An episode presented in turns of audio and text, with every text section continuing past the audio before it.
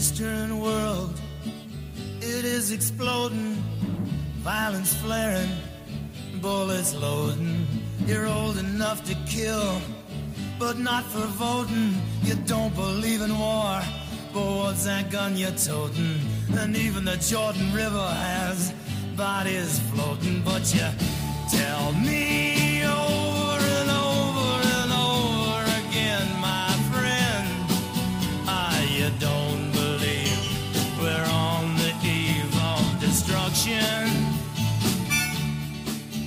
Merhaba sevgili Geek Teori takipçileri.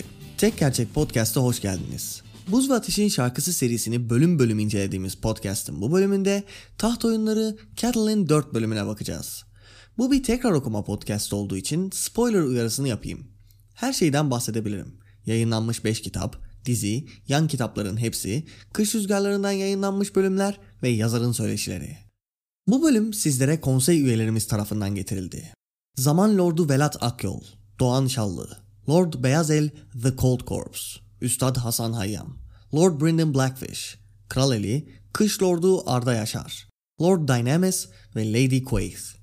Sizler de diyara katılarak özel bölümlere erişebilir, normal bölümlere bir hafta erken erişebilir ve soracağınız soruların podcast'te yanıtlanmasını sağlayabilirsiniz. Bunu da söylediğime göre özete geçelim. Bölüm bir saat içinde kral topraklarına varmış olacağız diye açılıyor. Catelyn ve Roderick Cassel fırtına dansçısı isimli kadırgadalar.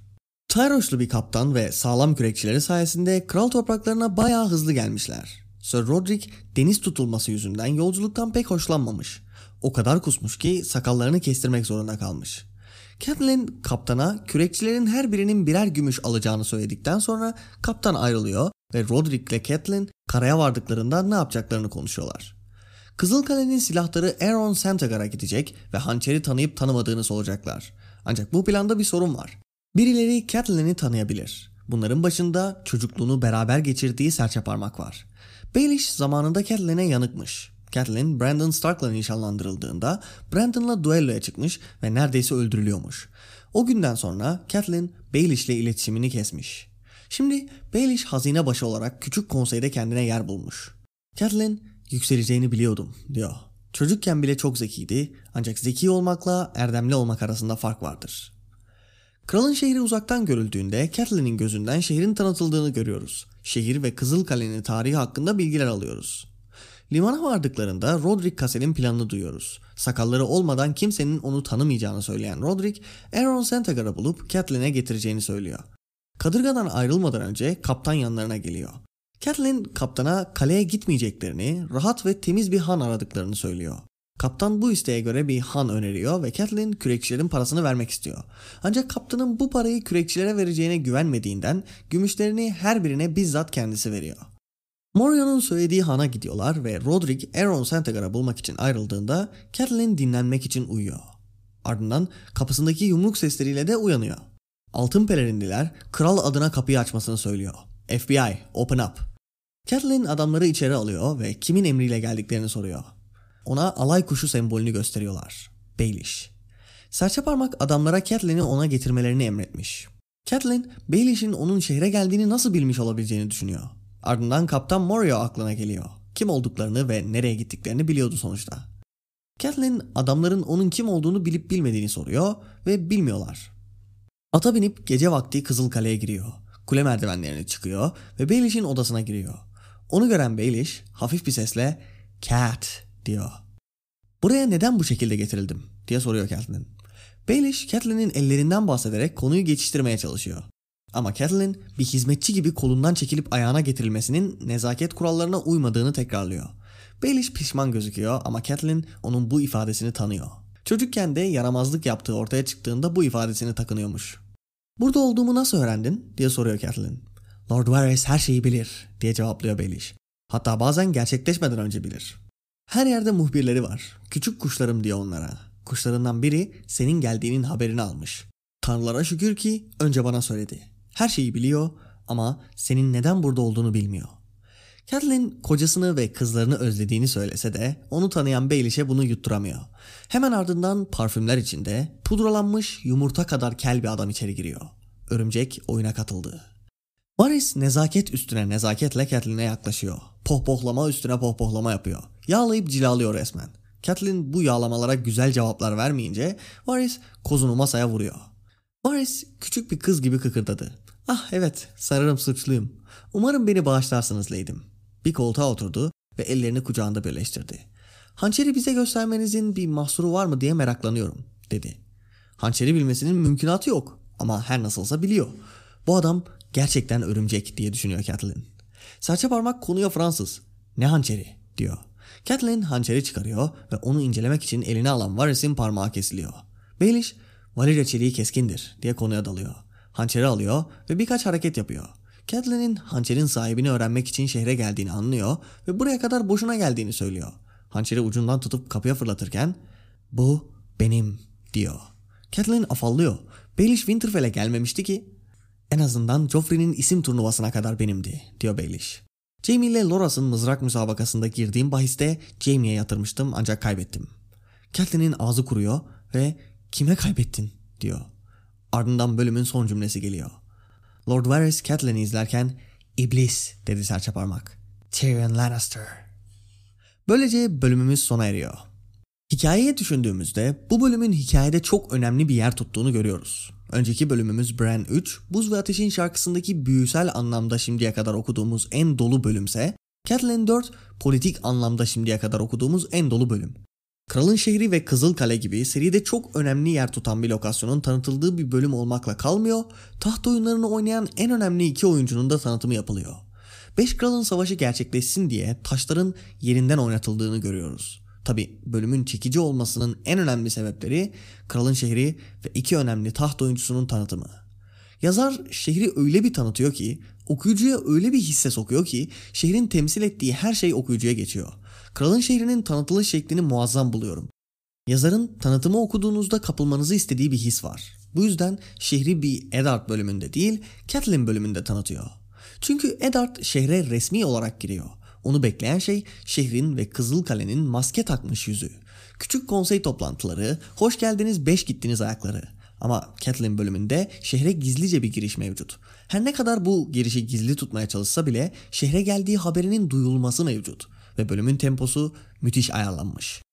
Şehre gelmeden önce uzun uzun yolculuk ve geçmiş anlatılıyor. Sıkıcı şeyler değil bunlar ama temponun yavaşlığı okuyucuya geçiyor. Ardından Catelyn şehre gelir gelmez bölümün temposu artıyor.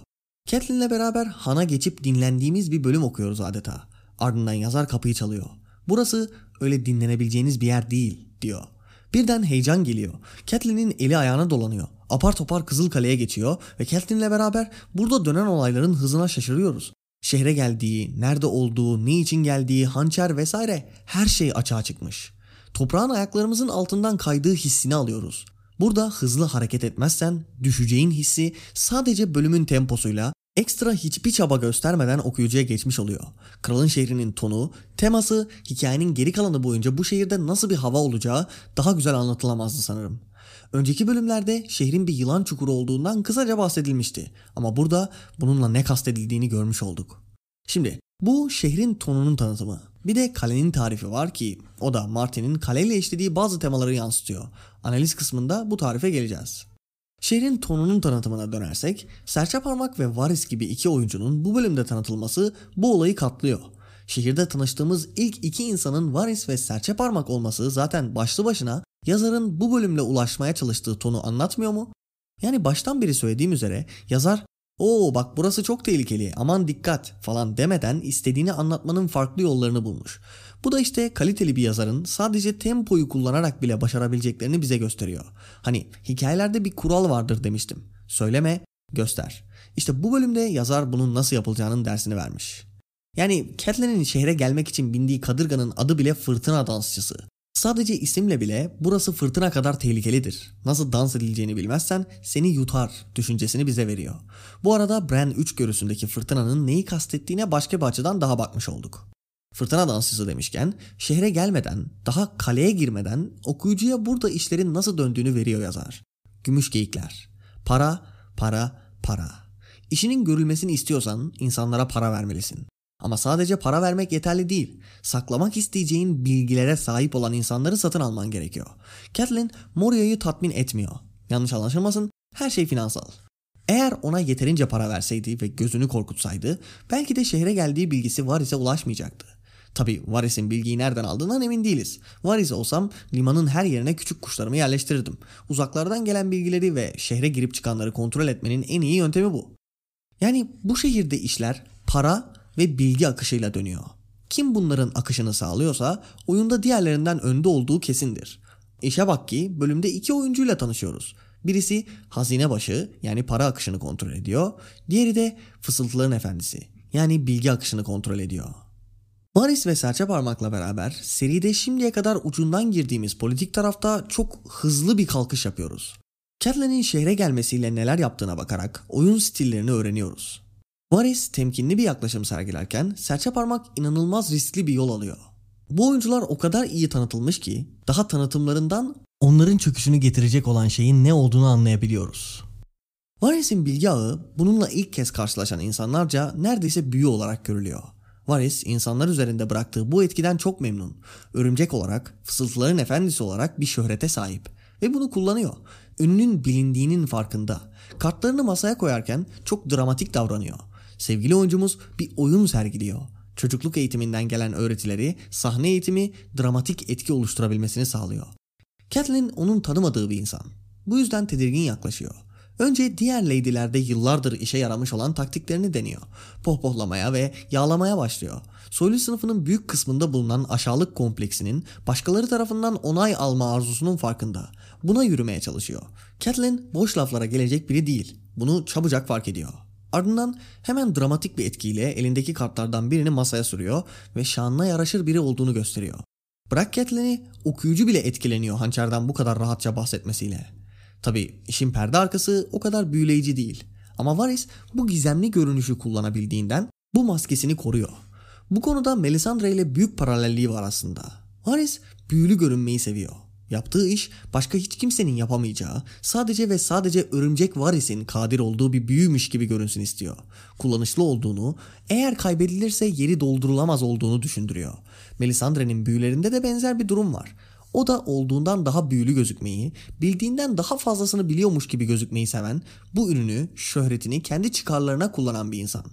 Tabi Varys'in büyüden bu kadar nefret etmesi ama büyülüymüş gibi gözükmeye çalışmasıyla Melisandre'nin kendini normal insanlardan üstün görmesi ama gizliden gizliye onların kullanacağı taktikleri kullanması gibi bir ironi mevcut. İkisi de oynadıkları oyun yüzünden sevmedikleri, istemedikleri bir şeyi kullanmak zorunda kalan insanlar. Ama şu an birden Varys konusuna daldık. Daha derine inmeden hemen bir geri çekilelim. Çünkü oyuncuların Catelyn'e yaklaşımına bakarken öncelikle neden yaklaştıklarına bakmamız lazım.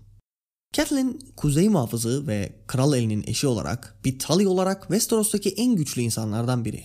Fırtına dansçısında kürekçilerin her birine birer gümüş geyik vermesi bize bir şey anlatıyor. Catelyn'de kaynak var. Onda güç var. Kralın şehri gibi bir yerde böyle bir insanın kontrolsüzce dolaşması varis ve serçe parmak için çok tehlikelidir. Sizin para vererek sahip olduğunuz anahtar insanlara sizden çok daha fazla para vererek sahip olabilir. Para genelde işini görür ama işe yaramazsa politik konumunu kullanarak insanların gözünü korkutabilir. Hayır, böyle bir gücü başıboş bırakamazsınız. Birbirinden farklı amaçları olan bu iki oyuncu daha hamle yapmasına fırsat vermeden onu kontrol edebilecekleri bir noktaya getirmek için nasıl da birleşiyor. Peki neden yaklaştıklarına baktık. Varys'in ilk aşamada yaklaşımını da konuştuk. Serçe parmak nasıl yaklaşıyor? Yaklaşımına geçmeden önce serçe parmağın güce gidiş yoluna biraz değineyim. Varys bilgi akışını yönetiyor ve bu konuda sanki bir büyücüymüş algısı yaratıyor. Serçe parmaksa finansal yönden güce giden biri. O da finansal yönden vazgeçilemez biri olduğunu düşündürüyor. Seride serçe parmağın iki meteleyi birbirine sürterek bir üçüncüsünü meydana getiriyormuş gibi bir algı yarattığını okuyoruz. O da bu konuda bir büyücü gibi görülüyor. Yani adam finans işlerine paraya o kadar kafa yormuş ki bu dış görünüşüne yansımış. Şu pasaja bir bakalım. Çenesinde bir keçi sakalı vardı ve şimdi daha 30 yaşına gelmemiş olmasına rağmen saçlarına gümüş teller saçılmıştı. Pelerine işlemiş gümüş alay kuşuyla uyumluydu saçları. Çocukken de severdi gümüşü. Serçe parmak daha iyi anlatılamazdı sanırım. Daha erken yaşta beyazlamaya başlamış olan saçı paraya duyduğu açlıkla ilişkilendiriliyor. Çocukluğunda bile gümüşü, parayı severmiş. Çocukluğunda gümüşü sevme nedeni büyük ihtimalle parlaklığındandır. Ama artık onun ne anlama geldiğini biliyor. Büyüdüğünde oyununu finans ve varlık üstüne kurması da çok şaşılacak bir durum değil yani. Hatta Catelyn'i almaya gönderdiği adamlarda bile Baelish'in bu arzusu anlatılıyor. Altın pelerinliler. Ha bu arada altın pelerinlilerin Baelish'in kontrolünde olduğunun ilk ipucu burada veriliyor. Kitabın devamında altın pelerinlileri kimin yönettiğinin çok önemli bir hale geldiğini biliyorsunuz. Ayrıca bu sırada Baelish'in finans konusunda ne kadar yetenekli olduğunu bilmiyoruz. Bölümde hazine başı olduğu geçiyor. Evet ama tüm bu anlattıklarımdan sonra geliyor bu. Yani adamın ne yaptığını, oyun stilini falan daha bilmezken yazar bize bu adamın işi altın ve gümüşle diyor. Ardından hazine başı olduğu bu adamın işte kitap boyunca neler yaptığı verilince taşlar yerine oturuyor. Yine söyleme göster mantığı. İki oyuncuyu şu şekilde tarif edebilirim sanırım. Varys klasik müzik çalan bir piyanist gibi. Önüne nota defterini almış, onun dışına çıkmıyor. Basması gereken notaya basması gereken zamanda basıyor. Yıllardır hazırladığı, ilmek ilmek işlediği bir planı var ve her şey bu plana uygun giderse kazanacak. İşler plana uygun gitsin diye her şeyi olması gereken yerinde tutmaya çalışıyor. Bailey ise rock grubundaki bir elektro gitarist gibi. Genel bir planı var ama fırsat buldukça solo atmayı seviyor. Etrafındakilerin yaptığı müziği dinliyor ve hissettiği anda soloya giriyor. Doğaçlama bir şekilde şarkının kontrolünü ele alıyor. İkisini de dinlemek çok zevkli. İnsanı Varys'te acaba her istediği şeyi yapabilecek mi düşüncesi çekerken Baelish de acaba şimdi ne yapacak düşüncesi çekiyor. Önünde sonunda iki oyuncu da yaptığı müzik sebebiyle kendi sonunu getirecek. Baelish tellere acımasızca basarken onları koparacak ve ellerini yaralayacak. Varys ise piyanosunu dikkatle çalmaya çalışırken notalardan başka bir yere bakmazken piyanonun kapağı kapanarak ellerini kıracak. Peki bu metafor ne kadar doğru? Sanırım artık bölümdeki hamleleri inceleme zamanı geldi. Baelish, Catelyn'in neden burada olduğunu bilmiyor. Hançer mevzusunu öğrenir öğrenmez doğaçlama yapıyor. Önce şok edici bir giriş yapıyor. Hançer benim diyor. Catelyn'i afallatmaya çalışıyor. Ardından hançeri Tyrion'a kaybettiğini söylüyor. Varys ise Catelyn'i tanımıyor. Bilmediği bu sulara öylece dalacak biri değil. Baelish'in nasıl bir oyun oynadığını da bilmiyor. Ama bilgisiz olduğu bu iki konu hakkında bilgi toplamak için bir yol bulmuş. Catelyn'in geldiği haberine Baelish'e ver ve buluşmada kendine bir koltuk kap. Ardından hem Baelish hem de Catelyn'i incele. Düşmanını tanı. Varys bilmediği sulara dalarak planını riske atmayı istemeyen biri. Baelish vs. Varys videosunda söylediğim gibi Baelish ilk kitapta Varys'i alt ediyor. Ancak Varys'in oynayış şeklinde kendisinin kontrol etmediği bir kaosa yer yok. Baelish ise bu bölümde de net bir şekilde gördüğümüz üzere yürüyen kaos. Genel olarak baktığımızda ejderhaların dansının sonunda Varys'in ofansif tarafa geçmesiyle Baelish'e göre çok daha avantajlı bir hale geldiğini görüyoruz.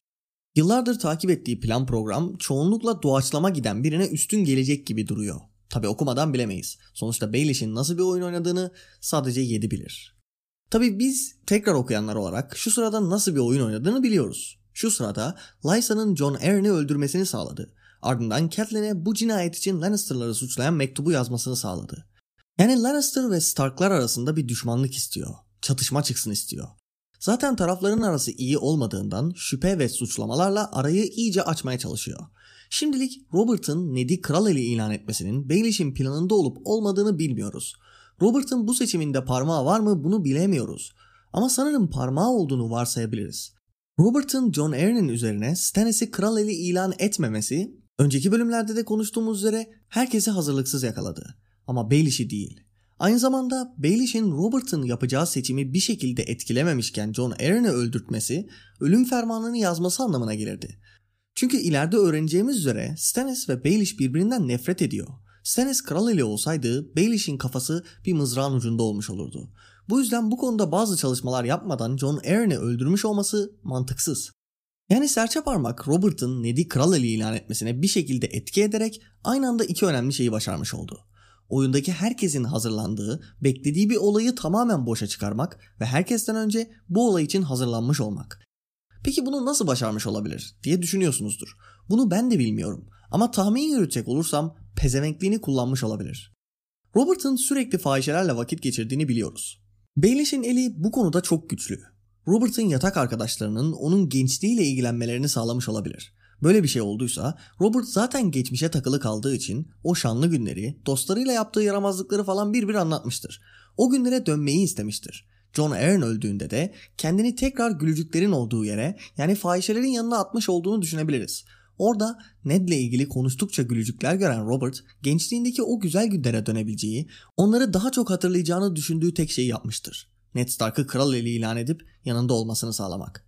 Tabii bu sadece bir düşünce ama hani şüpheciler için Baelish'in bu konuda Robert'ın seçimini etkileyebileceği bazı yollar olduğunu göstermek istedim. Her şekilde Baelish Ned'in kralın şehrine gelmesini istiyordu. Tabi geldiğinde zayıf olduğu iki noktadan biri sebebiyle Ned'i boşu boşuna karşısına alıyor.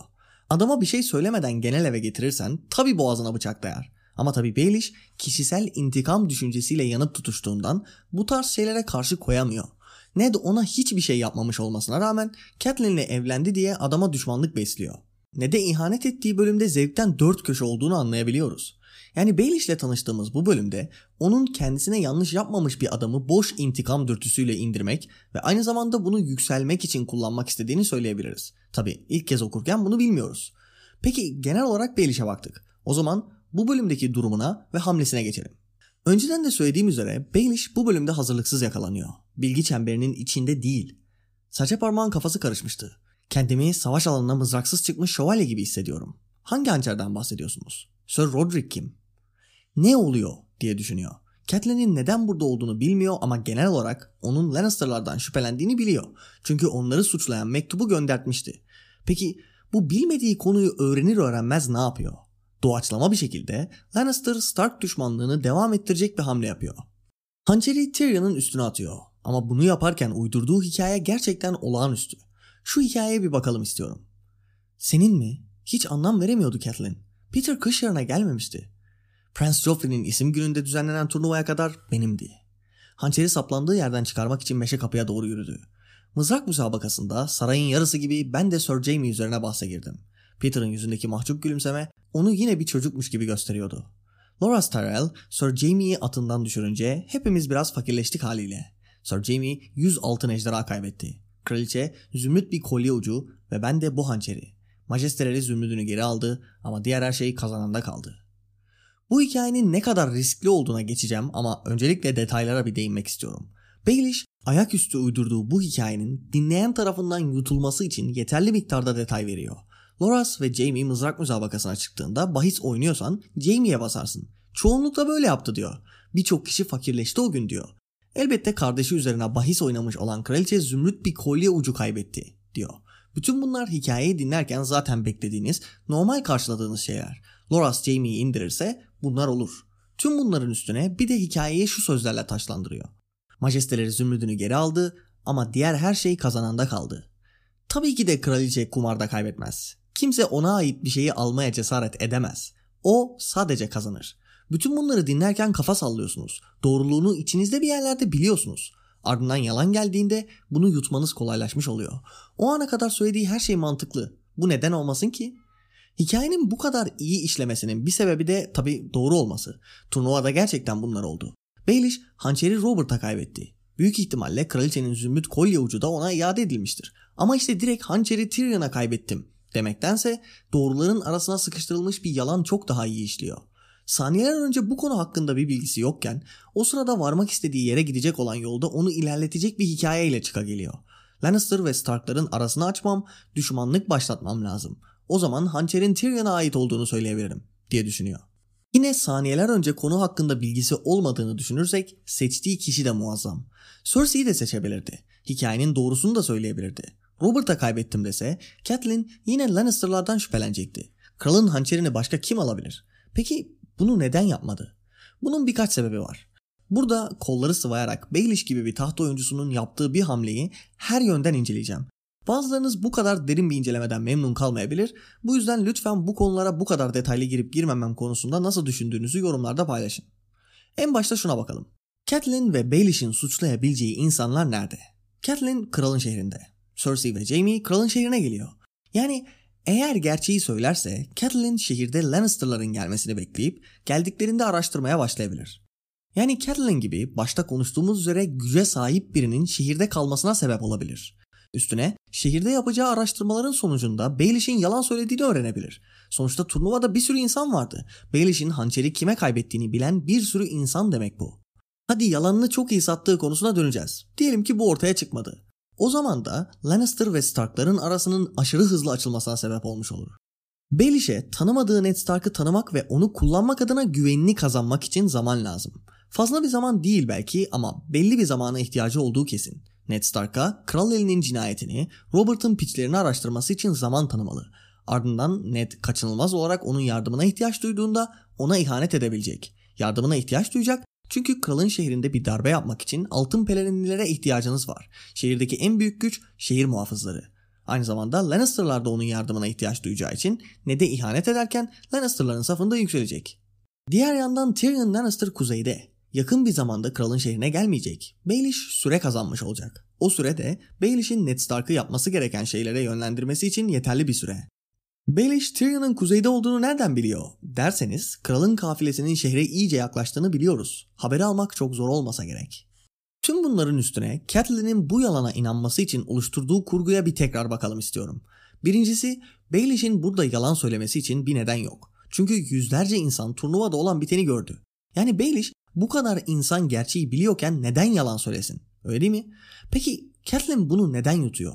Çünkü söylediğim üzere bu yalana gerek yok. O kadar insanın şahit olduğu bir konuda yalan söyleyemez Baelish.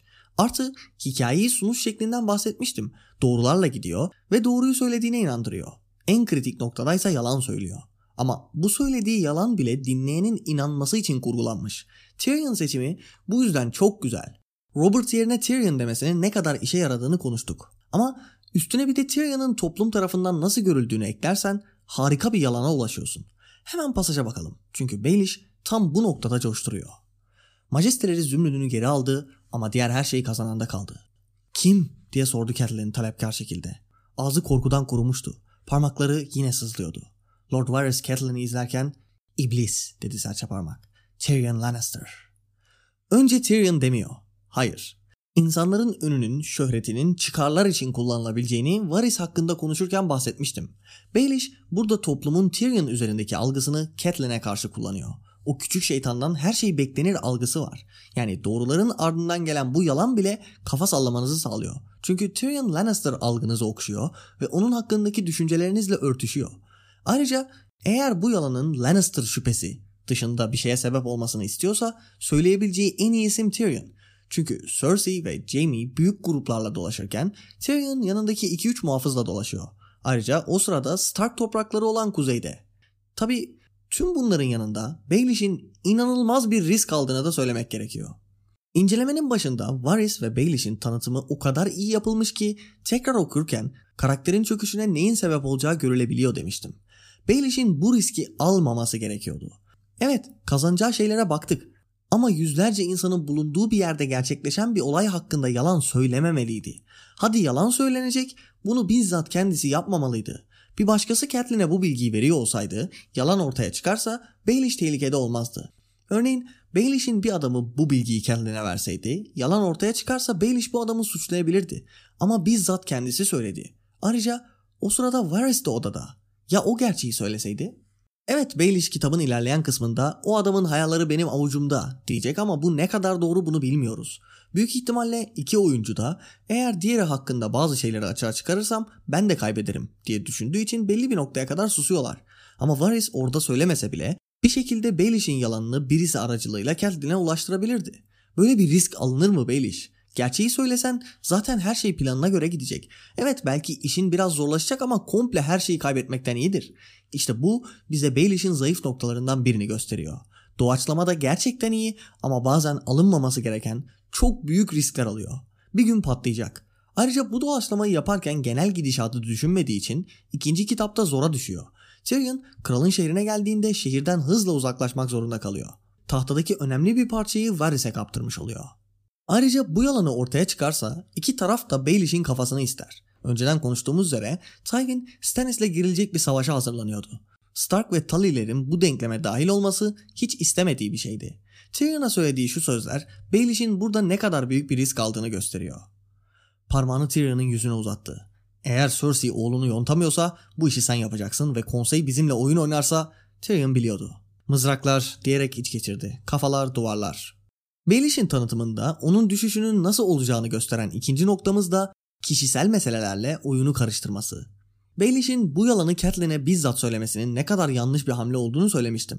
Aracı biri olmadığı için yalanı ortaya çıkarsa inkar edemeyecek bir pozisyona soktu kendini.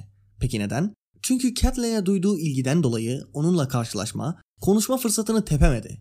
İleride Sansa'ya da sadece koz olarak bakamayacağını düşünüyorum. Oyun için yapılması gereken bir hamle geldiğinde Sansa'ya duyduğu ilgi sebebiyle hata yapabilir. Peki Varys bu bölümde ne yapıyor? Önceden söylediğim üzere Varys ortama yeni birisi geldiğinde tartıp biçmeden harekete geçmeyen biri. Ned Stark'a yaklaşıp hamleler yapması bayağı zamanını alıyor. Tyrion'a tam anlamıyla yaklaşması yine zaman alıyor. Genel planını düşünerek insanların karakterlerini analiz ediyor. Onları bu plana dahil edip edemeyeceğini, planının gerçekleşmesi için onları nasıl kullanabileceğini önceden hesaplıyor. Baelish gibi doğaçlama atlamıyor. Bu da onun zayıf yönlerinden biri aslında. Evet, çoğunlukla bu taktiği işe yarıyor. Ama bütün oyununu insanları tartıp biçmek, karakter analizi yapmak üstüne kurduğu için yanlış bir analiz yaptığında tüm çabaları boşa gidebiliyor. Daenerys düşündüğü gibi hareket etmediği için kaç kere planları bozulacak. Tyrion'un geçirdiği değişimi analiz edemediği için Aegon ve Dany evliliği bozulacak. Jorah Mormont'un Daenerys'e ilgi duyacağını hesaplayamadığı için birkaç hamlesi boşa gidecek. Yani bunlar illa hesaplanabilir şeyler demiyorum. Sadece bütün oyununu insanları kendi analizinin doğru olduğuna göre kurguluyor. Bu yüzden insanları doğru okuduğunda çok başarılı oluyor. Ama işler hesapladığı gibi gitmediğinde, kargaşa çıktığında afallıyor. Bailey ise bu konuda parlıyor. Yani söylediğim gibi oyunu oynayış stilleri genel olarak aynı olsa da aralarındaki büyük fark buradan kaynaklanıyor. Bölümde Varys'in tanıtılışı bu yüzden çok iyi. Çünkü Varys bölümde hiçbir şey yapmıyor. Güçlü olduğu bilgi ağı konusundaki yeteneklerini konuşturuyor. Catelyn'i etkiliyor ama bu kadar. Catelyn'in şehre geldiği bilgisini Baelish'e vererek kendisine bu buluşmada bir koltuk kazandı ve yaptığı tek şey Baelish ve Catelyn'i izlemek. Baelish'i tanımadığını, analiz edemediğini biliyoruz. Catelyn'i de tanımıyor. O yüzden bir hamle yapmıyor. Tam olarak bu yüzden şu pasaj onu çok iyi tanıtıyor. Kim diye sordu Catelyn talepkar şekilde. Ağzı korkudan kurumuştu. Parmakları yine sızlıyordu. Lord Varys Catelyn'i izlerken iblis dedi serçe parmak. Tyrion Lannister. Varys Catelyn'i neden izliyor? Yazar neden o cümlede kısaca Varys'in Catelyn'i izlediğinden bahsetmiş.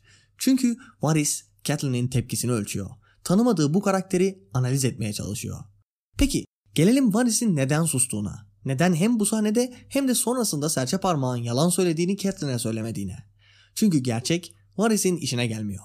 Hançer'in Robert'ta olması demek, konuştuğumuz üzere Lannister'ların direkt suçlanması demek. Ve Lannister'lar şehre geliyor. Varys savaş çıksın istiyor. Evet ama yakın zamanda değil. Onun için bu aşamada savaş çıkması hiç iyi bir haber değil. İşte eğer hançer kraliçe ve Jaime'yi suçlayacak şekilde değil, olayların daha geç patlak vermesine sebep olabilecek birine aitmiş gibi sunulursa işine gelir. Bren'in suikastinin Varys'in hiç işine gelmediğini biliyoruz. Illyrio ile konuşmasına bir bakalım. Meşaleden yükselen, yükseldikçe bir yılan gibi kıvrılan gri sisi görebiliyordu Arya. Aptallar oğlunu öldürmeye çalıştılar. Daha kötüsü bu işi yüzlerine gözlerine bulaştırdılar. O bütün bunların altında kalacak bir adam değil. Söylemedi deme. Aslanlar ve kurtların birbirlerinin boğazına saldırmasına az kaldı. Biz istesek de istemesek de. Çok erken, çok erken dedi aksanlı bir ses. Savaş hiç iyi olmaz. Hazır değiliz. Ertele. İstersen zamanı da durdurayım. Sen beni büyücü mü sandın? Olan olduğu için etkisini ne kadar geciktirebilirse o kadar iyi diye düşünüyor. Yani Varys ve serçe parmağın kısa bir süreliğine aynı amaç için birleştiğini görüyoruz. Oyuncuları şimdilik geride bırakıp serideki en önemli lokasyonlardan birinin tanıtımına geçelim. Martin Kızılkale'nin önemini bildiğinden akılda kalıcı olması için uğraşmış. Hepsinden yukarıda Aegon'un yüksek tepesindeki Kızılkale öfkeyle aşağıdakilere bakıyordu. Demir burçlarla taçlanmış yedi büyük davul kulesi, heybetli ve korkunç gözetleme kulesi, kubbeli geçitler ve tapalı köprüler, kışlalar, zindanlar, cahil ambarları, okçu yuvalarıyla dolu yekpare sur. Bütün kale soluk kırmızı taştan inşa edilmişti. İnşa emrini Fatih Aegon vermişti. Kale oğlu zalim Maegor tarafından tamamlanmıştı. Kalenin inşası bittiğinde inşaatta çalışan her taş ustasının, her ahşap işçisinin ve her mimarın başı kesilmişti. Ejderha lordlarının yaptırdığı kalenin sırlarını sadece ejderha kanından olanların bileceğine dair yemin etmişti zalim Maegor. Bu pasaj çok güzel. Kale insanın gözünde canlanıyor. Kırmızı renk Targaryen rengi ama aynı zamanda kan rengi.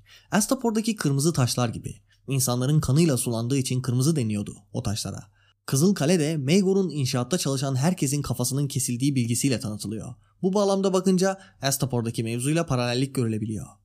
Aegon tepesinden öfkeyle aşağı bakıyor şekilde tarif edilen bir kale, bir ejderhayı andırıyor. Klasik fantastik hikayelerdeki köyün, kasabanın yakınında bulunan dağın tepesinde yaşayan ejderha gibi. Kızılkale işte bu. House of the Dragon yani ejderhanın evi. Eğer konuştuğumuz üzere Winterfell Brand'se Kızılkale'de zalim Maegor, değersiz Aegon ve deli kral Aerys. En kötü Targaryen krallarını temsil ediyor bu kale. Bu pasajdaki kontrast çok güzel. Fatih Aegon hayalleri, görüsü olan adam, diyarı birleştirmek düşüncesine sahip olan adam kalenin inşa emrini veriyor. İnşa ediyor. Yıkım değil. Ama bütün bu güzel düşüncelerin oğlu tarafından kanla sulandığını okuyoruz. Tüm Westeros'un yönetildiği yer işte burası ve yazar burayı böyle tanıtıyor. Peki sevdiğim ve sevmediğim şeylere geçelim ama kısa tutacağım. Bölümün ne kadar güzel olduğunu zaten analiz kısmında konuşmuş olduk. Şehrin ve kalenin tanıtımını, yazarın sadece bölümün hız ve tonunu kullanarak buranın havasını okuyucuya geçirmesini ve iki oyuncumuzun tanıtılışını çok seviyorum. Sevmediğim bir nokta var ama öyle büyütülecek bir şey değil. Catelyn'in Baelish ile ilişkisini Sir Roderick'e anlatışı bir tık garip geliyor. O kısımlar Catelyn'in kafasının içinde düşündüğü şeyler olsa olurmuş. İma ve altyapılara geçersek önce en zayıf olan bağlantıyla başlayayım. Catelyn Kızılkale'ye getirildiğinde şöyle bir pasajımız var. Kızılkale'ye vardıklarında kalenin yivli kapıları indirilmişti ve büyük kapılar hava karardığı için kapatılmıştı. Ama kalenin pencereleri titreyen ışıklarla capcanlıydı. Kalenin pencerelerinin alevler içinde olması, titreyen ışıklarla dolması falan seride birkaç kez kullanılan bir betimleme. Bunların bir kısmı kalenin yanacağına işaret edilen imalar olduğu için aynı veya çok yakın betimlemelerin hepsini bu gruba katanlar mevcut. Ben de bahsedeyim dedim. Asıl önemli imalara geçersek, bölümde Varys'in Targaryen kanından geldiğine dair iki ima mevcut. Aegon davası videolarında nedenine ayrıntılı bir şekilde girdik. Burada sadece imalara bakalım. Kale oğlu zalim Maegor tarafından tamamlanmıştı. Kalenin inşası bittiğinde inşaatta çalışan her taş ustasının, her ahşap işçisinin ve her mimarın başı kesilmişti. Ejderha lordlarının yaptırdığı kalenin sırrını sadece ejderha kanından olanların bileceğine dair yemin etmişti zalim Maegor. Gördüğünüz üzere zalim Maegor'un söylediğine göre kalenin sırrını sadece ejderha kanından olanlar bilebilecekmiş. Seride bu kaleyi ve gizli geçitlerini Varys'in ne kadar iyi bildiğini okuduğumuz için bu net bir ima. Aynı zamanda Varys'i gördüğümüz ilk sahnede şöyle bir pasaj var. Kapıdan parfüme bulanmış, pudralanmış bir yumurta kadar kel ve toparlak bir adam girdi. Beşinci Egon'a yumurta dendiğini ve çocukken kafasını kazıttığını biliyoruz. Varys daha tanıtılırken direkt yumurta kafasına dikkat çekiliyor. Aynı bölümde iki referans biraz fazla sanki. Ama bölümde Varys hakkında harika bir ima daha olduğunu düşünüyorum. İki oyuncumuzun tanıtımı o kadar güzel ki sonlarını neyin getirebileceğini bile bu tanıtımdan görebiliyoruz demiştim. Serçe parmak için bu konuda iki noktaya baktık. Doğaçlama yaparken büyük riskler alması ve kişisel durumları oyuna karıştırması. Varys'te ise sadece bir şeye baktık. İnsan tahlili yapması ve bu tahlilinde hata yaparsa planlarının boşa çıkması. Çok tedirgin davranarak insanları tanımadan hamle yapmaması da aynı konu içinde görülebilir. İşte bölümdeki bir pasajın Varys'in sonunu başka bir yönden gösterecek bir ima taşıdığını düşünüyorum. Catelyn hançeri pelerinin içinden çıkardı ve adamın önündeki sehpaya attı. İşte burada. Belki küçük kuşlarınız bu hançerin kime ait olduğunu da fısıldar bize. Varys abartılı bir özenle hançeri aldı ve baş parmağını bıçağın üzerinde gezdirdi. Parmağından sızan kanı görünce bir çığlık attı ve hançeri masaya düşürdü. Dikkatli olun son derece keskin dedi Catelyn. Hiçbir şey Valyria çeliği kadar keskin olamaz dedi serçe parmak. Varys'in abartılı bir özenle Valyria'dan gelen bu çeliği eline alması ve kendini kesmesi sanırım bize onun sonunu anlatıyor. Valyria kanına sahip olan Daenerys, Viserys ve Aegon üzerinden yapacağı oyunlar onun sonunu getirecek gibi duruyor. Keskin olan Valyria çeliği onu dikkatsizce kullanan Varys'e zarar verecek. Böylece bir bölümün daha sonuna geldik. Dinlediğiniz için teşekkür ediyorum. Ayrıca Lord ve Lady'lerimize de teşekkür ediyorum. Lord Velat Akyol, Lord Arda Yaşar, Lord The Cold Corpse, Lord Hasan Hayyam, Lord Brendan Blackfish, Lord Dynamis, Lady Quaith, Lord Murat Çetin, Lord Giray Ünlü, Lord Keyvan Javan, Lord Yusuf Burak Eker, Lord Göktürk Türk, Lord Mehmet Yaser Akyel ve Lady Duygu Seren. Gelecek bölümde John 3 bölümüne bakacağız. John 3 incelemesinde bir sürpriz olacak. O bölümde görüşmek üzere, hoşçakalın.